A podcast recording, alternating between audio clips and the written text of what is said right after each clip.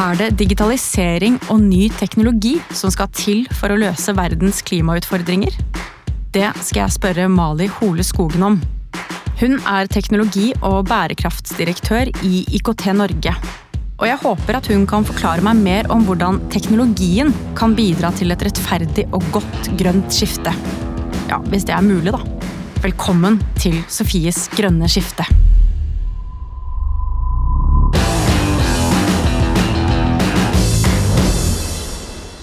Så Mali, hva er det egentlig som må eller skal digitaliseres?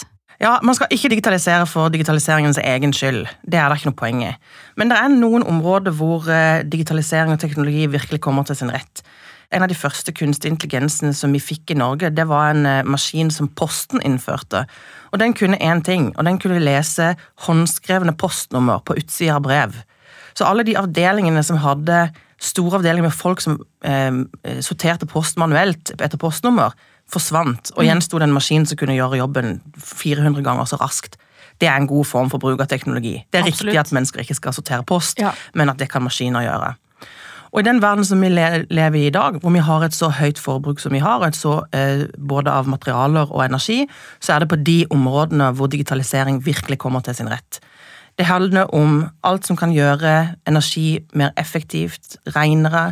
Det handler om alt som kan gjøre materialer m- eh, re, og reprodusere de, bygge for eksempel, Et veldig godt eksempel som eh, er kjempespennende, syns jeg, det er at vi har lenge snakka om sirkulær økonomi. Altså det å liksom bygge materialstrømmer som kan føre til eh, gjenbruk, og at materialer går igjen i loopen. Nå snakker vi om en datadreven sirkulær økonomi som handler om å koble mest mulig informasjon på mest mulig av produktene som er i denne sirkelen. da. Og det vil jo gjøre at den sirkelen går mye fortere. Jo mer vi vet om produktene, jo mindre er sjansen for at dette blir avfall, og jo større er sjansen for at vi kan bruke det på nytt. Så det er et godt eksempel på der digitalisering virkelig kommer til sin rett. Eller så er det f.eks. hver gang du bruker strøm, eh, at, det skjer på den, at du bruker minst mulig og mest effektivt. Det er de områdene som er, som er virkelig store. da. Og nå, det som er kjempespennende nå, er jo at nå kobler vi på disse nye maskinene, kunstig intelligens spesielt, som gjør at dette bildet vil se sannsynligvis dramatisk annerledes ut om i løpet av kort tid. Nå lurer jeg på, har vi den teknologien vi trenger? Vi har mye av den teknologien vi trenger, men det er klart at eh, det er behov for eh, mye mer ny type teknologiutvikling i tillegg. Eh, Man kan jo for eksempel si hva har, hva har eh, Tesla-bilene gjort for eh, reduksjon av CO2-utslipp eh, fra persontransporten? Masse. Der kommer det en revolusjon. Hva har 3D-printing lokalt gjort for transportsystemene internasjonalt? Der vil det skje mye. Så det er mange områder hvor vi har eh, kjempegod teknologi i dag.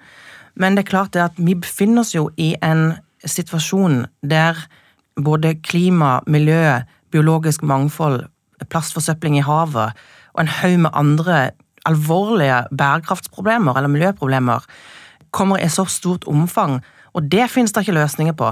Der er det helt andre typer teknologier som inn, og der er heldigvis det liksom mye teknologi som er spennende som skjer nå, men hvor det er spesielt interessant at vi finner løsninger kjapt.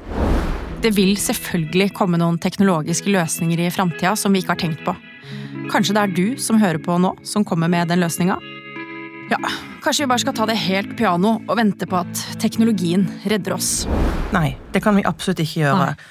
Og eh, vi har jo stått i lignende situasjoner tidligere. Altså i kjølvannet av den industrielle revolusjonen, den første industrielle revolusjonen, så kom jo eh, forbrenningsmotoren. Og grunnen til at vi sitter her i dag og snakker om et grønt skifte, er jo fordi at forbrenningsmotorens avfallsprodukt er CO2, og at eh, aggregeringen av eh, det i atmosfæren eh, har fått så, et, et, så det enorme volumet det har.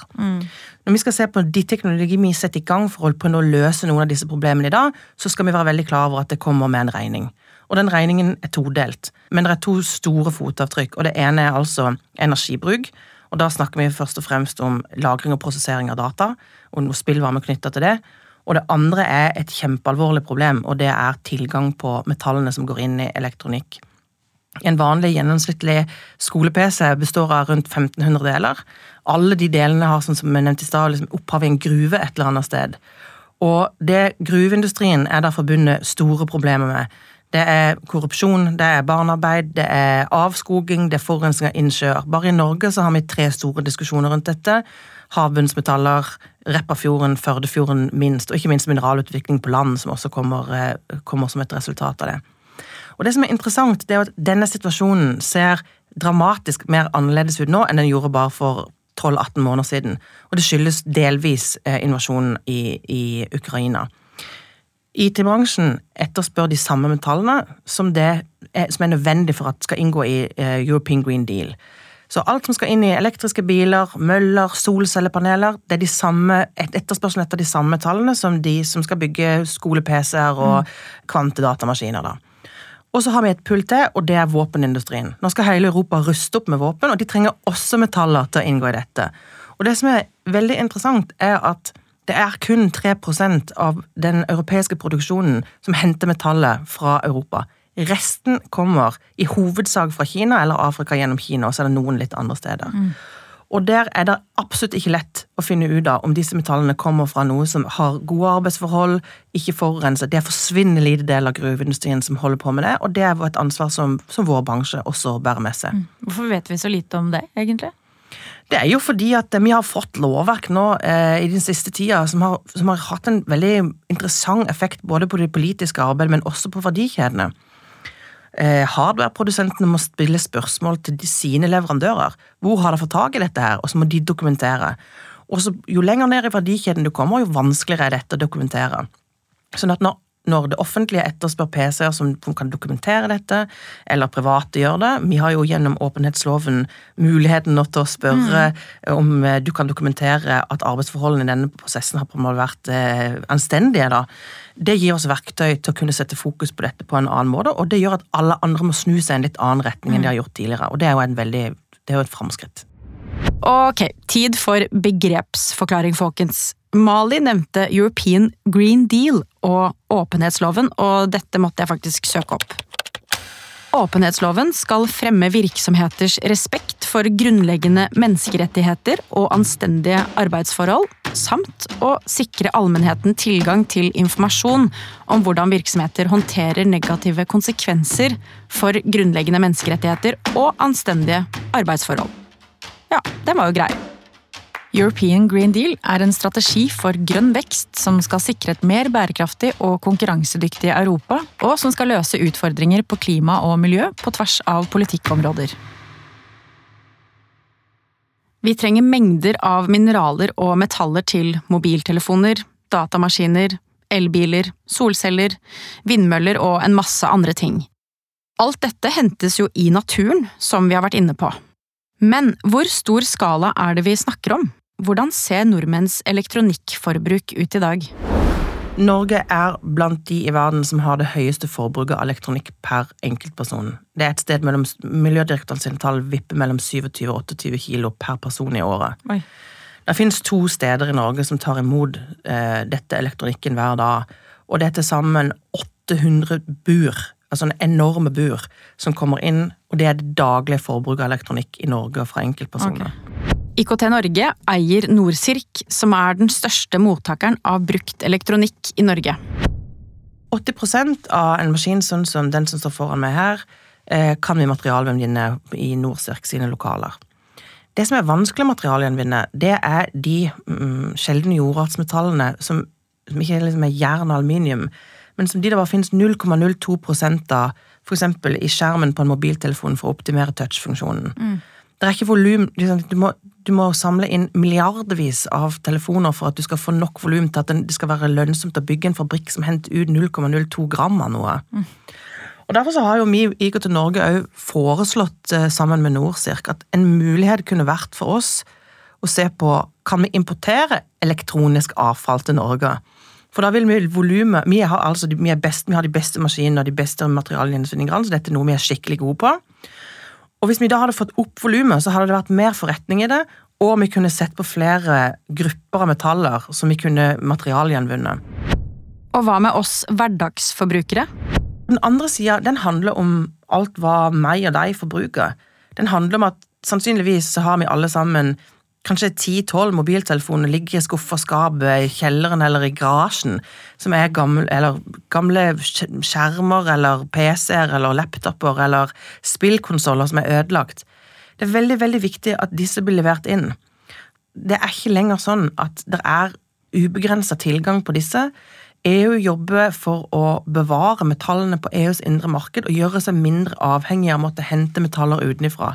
Og det er ikke så mange måter å gjøre det på. Det er enten å bygge gruver, eller så er det å få en, en økt del av materialgjenvinningen. Men selv om vi skulle det, Så er det altså dessverre sånn at eh, volumet på det som er behovet nå fra våpenindustri, behovet for å gjennomgå det grønne skiftet i Europa, European Green Deal, det er altså så massive, det er så massive behov at eh, jeg tror ikke vi kommer utenom å måtte åpne gruver.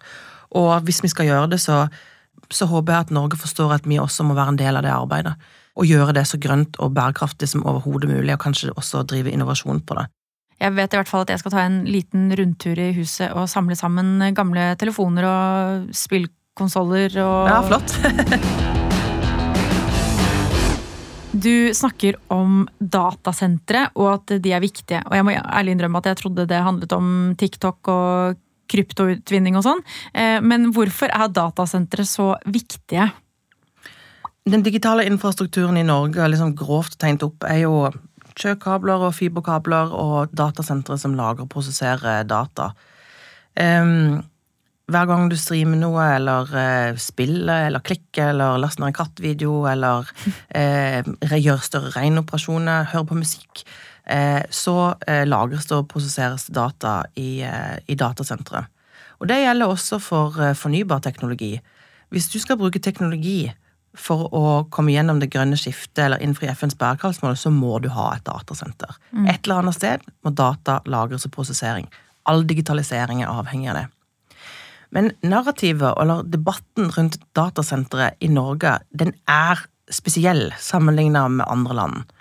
Den norske datasenterindustrien er organisert hos oss i eh, IKT Norge og tar fullstendig avstand fra kryptofabrikker. Det er ikke noe de vil være assosiert med. De er heller ikke tilhengere at vi skal bruke norsk fornybar kraft til å eh, utvinne kryptovaluta. Bare la oss si det med en gang. Mm. Man kan jo se på datasenter som en maktfaktor. At eh, Norge er geografisk stabilt, økonomisk stabilt. Vi har eh, for så vidt eh, god tilgang på ren kraft. Den skal selvfølgelig fordeles på mange hensyn. Men eh, norske data skal også lagres og prosesseres et sted. Og hvis ikke vi skal gjøre det i Norge, så må vi flytte de dataene ut av landet. Og kanskje til et land som ikke er så økonomisk stabilt eller geografisk stabilt som det Norge er og som kanskje også har en annen energimiks enn det som eh, vi har her i Norge. Så Det betyr at det kan komme et fotavtrykk på den datasetternæringen som er ganske mye større enn det vi snakker om i dag. Eh, og så tror jeg òg at vi må innse at digitaliseringen kommer til å kreve datasentre og vår bransje jobber intensivt med å finne løsninger på spillvarme, på effektivisering av energibruk. Der kommer kunstig intelligens inn og er kjempe, kjempespennende på hvordan du kan redusere fotavtrykket fra datasentrene. Men det er, det, det er en del av regninga. Vi må ha digital infrastruktur, og vi kan bygge den grønneste digitale infrastrukturen som finnes i hele verden i Norge. Vi er godt på vei til å gjøre det allerede. Men det er ikke sånn at du kan rekke opp hånda og si vi skal eh, bruke teknologi til å innfri FNs bærekraftsmål uten å si ja til datasentre. Det er en del av pakken. Men uh, hvor mye koster det naturen å drive alle disse datasentrene uh, og eh, generere all denne mengden data som skal drifte digitaliseringen? Det er ikke liksom bare å smelle opp et datasenter i haven. og fordi at der må det, både være, det må være noe infrastruktur rundt det. Mm.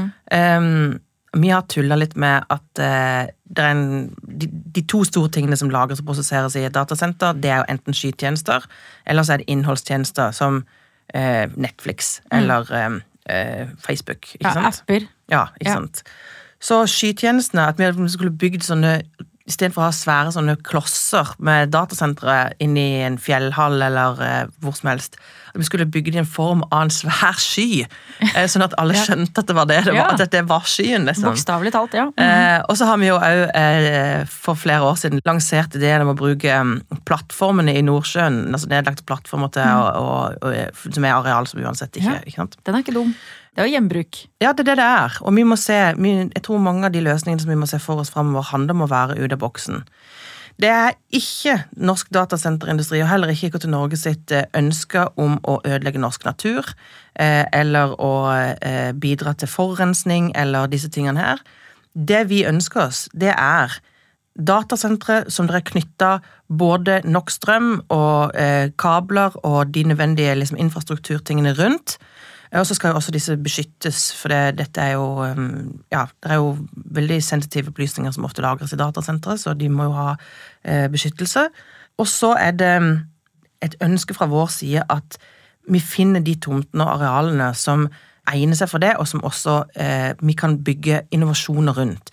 For eksempel så har vi i Oslo, et datasenter i Oslo på Ulven som eh, vi bruker spillvarme til å varme opp jeg tror det er 5000 Obos-boliger eh, med fjernvarme. Alle sånne type innovative systemer, det er det vi ønsker oss. Nice. Det er det som er riktig å gjøre. Og på den måten så bygger du eh, løsninger hvor man bruker energi så effektivt som overhodet mulig, og kan også innovere ny teknologi som kan gjøre det eh, bærekraftig og riktig for, eh, for så mange som mulig av oss. Nå kommer det store spørsmålet her. Er det i det hele tatt mulig med et grønt skifte? Ja, det tror jeg. Ja. Jeg tror det kommer til å bli ekstremt mye dyrere enn vi ser for oss at det kommer til å være. Eh, det biologiske kollaps i biodiversitet er den, by far den største faren vi står overfor, ikke sant? Og um, en av gangene hvor jeg liksom fant mitt engasjement, var når en av professorene mine på Universitetet i Oslo fortalte om en sopp som finnes på Hardangervidda, som heter Åmeklubben. Det var to forskere på 70-tallet som gikk over Hardangervidda fant denne åmeklubben, og den har den funksjonen at i et bitte lite vindu for humiditet og for eh, eh, temperatur, så slipper den sporene sine. Og det er akkurat når det er mange insekter som er ute og går og så lander de sporene på ryggen til insektet og slår rot i den, og manipulerer nervesystemet til insektet til at de får veldig lyst på tre, for stor affinitet for tre, så går inn og legger seg i et tre, og så fortsetter soppen sin livssyklus derfra. Og så tok disse forskerne med seg denne soppen til laboratoriet sitt, og eh, de eh, fremstilte et stoff som heter syklosporin. Og eh, syklosporin brukes i dag i medisin som til folk som gir til folk som skal ta en organtransplantasjon eh, fordi det påvirker vårt nervesystem som ikke vi skiller ut nye organer.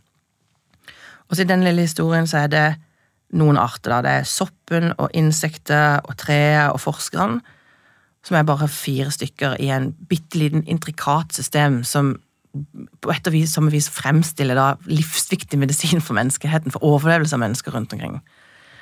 Og så kan du legge på liksom to millioner arter til som er hele den levende verden, som alle sammen er forbundet på en eller annen måte inn i et sånt intrikat økosystem. Og det er klart at det der er jækla sårbare greier i den ligninga som vi tegner opp nå. Og jeg tenker jo ofte at liksom eh, Grunnen til at jeg står opp og går på jobb om morgenen og syns at dette er ekstremt viktig å få til, å bruke et av de kraftigste virkemidlene vi har for å redde planeten, er teknologi. Ehm, det gjør jeg jo fordi at jeg har tre små barn hjemme som eh, jeg òg vil at skal kunne gå over Hardangervidda en eller annen gang og finne et eller annet som ikke vi vet hvilken funksjon har i dag, men som kanskje kan være avgjørende for menneskets overlevelse eller noe som helst. Noe vi ikke vet om. Og det er det som er det virkelig praktfulle med ny teknologi det er at vi vet ikke ennå helt hva dette kan være med å løse, men det er helt sikkert at hvis vi skaffer oss den riktige kunnskapen, så kan det være der de store løsningene ligger.